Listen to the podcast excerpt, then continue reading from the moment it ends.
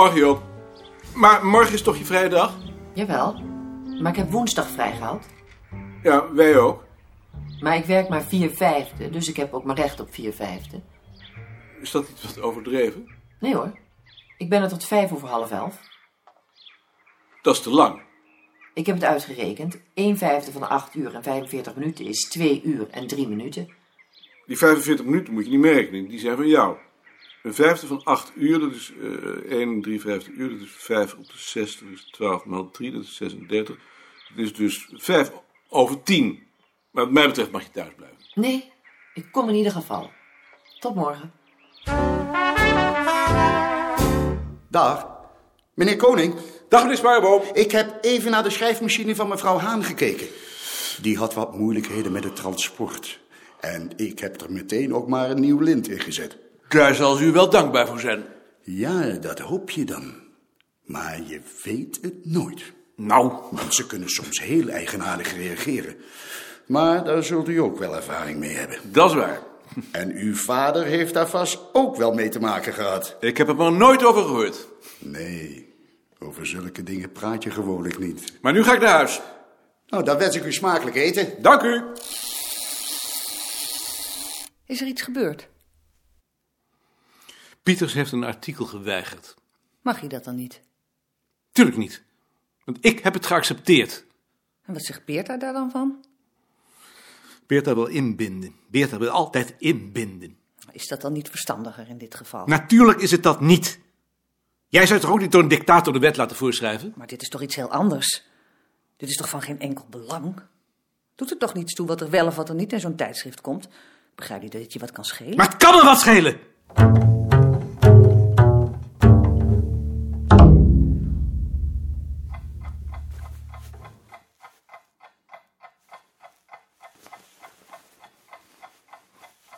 Waarde professor Pieters. De consequenties van uw reactie op het artikel van mevrouw zijn zo verstrekkend dat ik even een diepe adem heb moeten halen. U, of een van de uwen, kan er een artikel tegen schrijven, zoals in het verleden gebeurd is. Maar u kunt de Nederlandse redacteuren van ons tijdschrift niet onmondig verklaren. En een auteur voor het hoofd te stoten door haar werk door een collega te laten beoordelen. Je maakt me wakker. Dat spijt me. Ik sliep. Ja. Het spijt me. Het spijt me. Waarom maak je me dan wakker? Ga dan maar slapen. Kan ik nou slapen als jij zo ligt te woelen?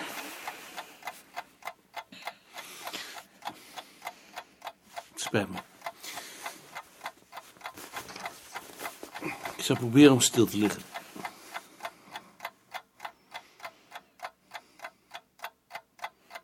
Wat denk je dan soms ergens aan?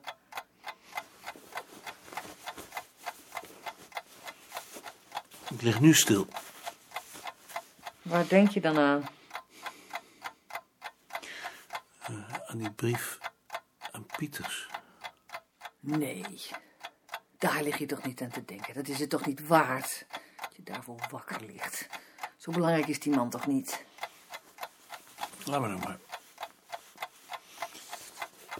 Ik zal stil zijn. Maar je bent niet stil. Ik ben stil. Ik schrijf dat ik deze gang van zaken wel eens heb betreurd, maar op andere ogenblikken heb ik ook wel eens de wijsheid van ingezien. Het heeft ons ongetwijfeld veel moeilijkheden bespaard. Je bent niet stil.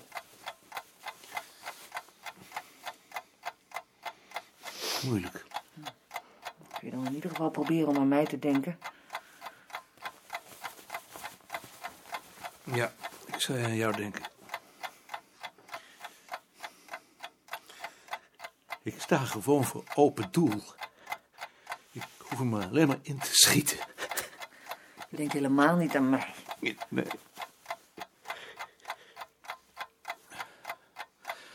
Ga naar het kamertje.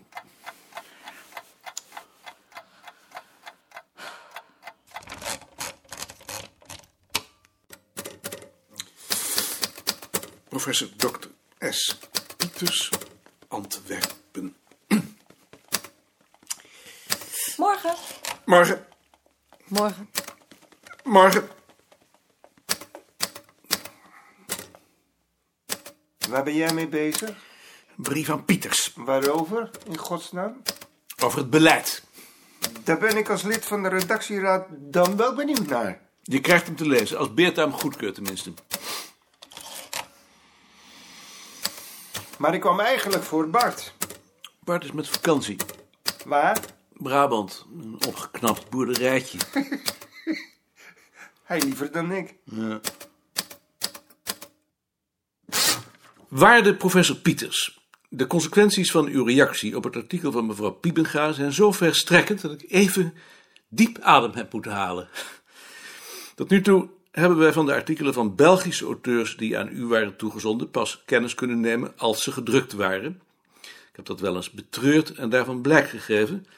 Het enige resultaat dat ik daarmee bereikt heb was de toezegging dat wij in twijfelgevallen geraadpleegd zouden worden en dat bij vervolgartikelen die het karakter van het tijdschrift gedurende een aantal afleveringen zullen bepalen, overleg zou worden gepleegd. Het recht om te bepalen wat twijfelgevallen zijn en wat niet, hebt u aan uzelf voorbehouden. De toezegging om bij vervolgartikelen overleg te plegen is platonisch gebleven, tot nu toe. Ik schrijf dat ik deze gang van zaken wel eens heb betreurd, maar op andere ogenblikken heb ik ook wel eens de wijsheid ervan ingezien. Het heeft ons ongetwijfeld veel moeilijkheden bespaard. Bovendien hield het in dat wij van onze kant de verantwoordelijkheid hadden voor de artikelen van Nederlandse auteurs. U hebt daaraan behoudens te keren dat u ze zelf direct geplaatst hebt, nooit getornd. U doet dat nu wel met het artikel van mevrouw Piepenga. Het komt mij voor dat u daarmee het evenwicht verbreekt en dat wij u, hoezeer ons dat ook verdriet, een halt moeten toeroepen. Het artikel van mevrouw Piebenga is door ons aangenomen. Het komt voor de verantwoordelijkheid van de Nederlandse redactie. U, of een van de uwen, kan er een artikel tegen schrijven, zoals in het verleden gebeurd is, maar u kunt de Nederlandse redacteuren van ons tijdschrift niet onmondig verklaren en een auteur voor het hoofd stoten door haar werk door een collega te laten beoordelen. Ik stuur u het artikel derhalve weer terug met het vriendelijke verzoek het te plaatsen in het vierde nummer van deze jaargang van ons tijdschrift. Dat houdt natuurlijk niet in dat wij niet met genoegen op de volgende vergadering van de redactieraad of van de redactie willen praten over een nieuwe procedure, volgens welke wij in de toekomst gezamenlijk, vooraf, de gehele inhoud van een nieuwe aflevering zullen bespreken, het zij mondeling, het zij schriftelijk. Indien u zoiets zoudt voorstellen, zult u mij naast u vinden. Voor het artikel van mevrouw Piebenga, dat al is aangenomen, kan dat evenwel geen gevolgen meer hebben. Met vriendelijke groeten en koning. Een voortreffelijke brief. Ja? Voortreffelijk. Ik had hem zelf geschreven kunnen hebben. Dus ik kan hem versturen. Je kunt hem versturen. Dan moet het maar barsten worden.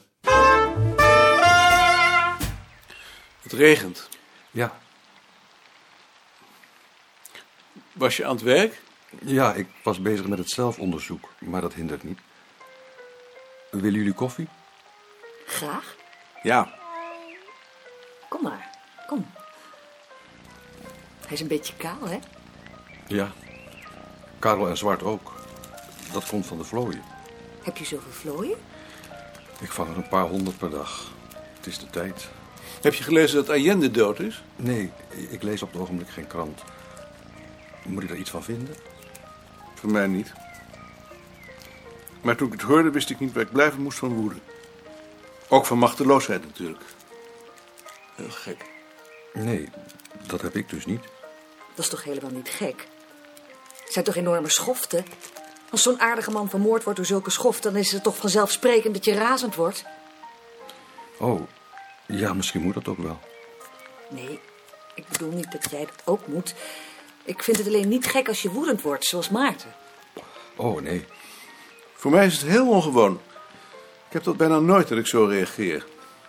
Mijn eerste reactie was dan ook om links de schuld te geven dat ze hem niet genoeg gesteund hebben, omdat ze hem niet links genoeg vonden. Ja, dat vind ik verschrikkelijk, zo'n reactie. Net zoals wanneer je kwaad bent op een hond als die bijna onder een auto komt en niet op de auto. Dat is rechts. Ja, dat is rechts. Ik ben rechts. Je bent helemaal niet rechts. Dat zeg je alleen maar om jezelf in de grond te trappen of om mij te pesten. Ik weet niet waarom Ik je denk ook dat hij zelfmoord gepleegd heeft. En Nicolien dat hij vermoord is. Zelfmoord is rechts. Waarom is dat rechts? Omdat in alle linkse kranten gestaan heeft dat hij vermoord is... en alle rechtse dat hij zelfmoord heeft gepleegd. Ach, hij plaagt maar wat hoor. Zelfmoord is helemaal niet rechts. Nee, dat dacht ik ook. Nee, dat Allende zelfmoord gepleegd zou hebben is rechts. Ik plaag helemaal niet. Het interesseert me dat mensen zo reageren. Waarom heeft Nicolien liever dat hij vermoord is? Omdat zij voor alles kiest tegen de schoften. En waarom heb ik een voorkeur voor zelfmoord? Omdat ik kies voor de man die geïsoleerd is geraakt. Nicolien kan zich niet voorstellen dat een man op het ogenblik dat hij door zulke schoften wordt aangevallen, de tijd en de rust vindt om er een eind aan te maken. Ik zou zeggen dat het juist bewijst hoe hij ze minacht. Het besef dat je geïsoleerd bent, dat het leven uitzichtloos is, dat is het mooiste wat er is. Maar dat hoeft daarom toch nog niet rechts te zijn? Natuurlijk is dat niet rechts. Ik weet niet wat het is en het kan me ook niet schelen. Ik interesseer me alleen voor de verschillen in reactie. Het is toch gek dat je zo emotioneel reageert op de dood van een man... terwijl je toen hij aan de macht was nauwelijks belangstelling voor hem had. En dat het dan vervolgens weer een punt wordt of hij zelfmoord heeft gepleegd of vermoord is... dat, dat interesseert me. Ja, dat is misschien ook wel interessant. Schiet je op met je zelfonderzoek? Niet zo erg. Ik zit een beetje vast op het ogenblik. Hoe gaat het met je slakken? Goed. Wil je ze even zien? Je moet niet zeggen dat zelfmoord rechts is. Daar kan hij niet tegen. Zo bedoelde ik het ook niet. Hier zijn ze. Ik zie er één. Daar is de ander. Oh ja.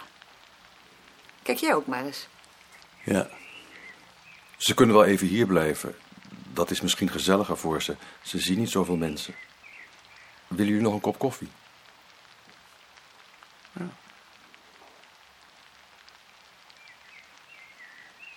Hebben die poezen geen belangstelling voor die slakken? Nee. Ik denk dat ze daarvoor te langzaam bewegen. Of ze vinden ze er niet zo smakelijk uitzien? Dat kan natuurlijk ook.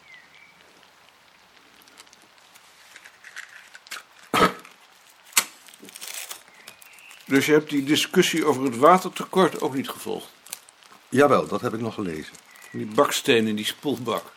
Ja, onder andere. Ik vind het een beetje onzin, vind je niet? Nee. Onzin vind ik het niet. Oh, nee, misschien is het dat ook wel niet. Waarom vind je het onzin? Ik geloof omdat ik eigenlijk vind dat je op je spoelwater niet moet bezuinigen.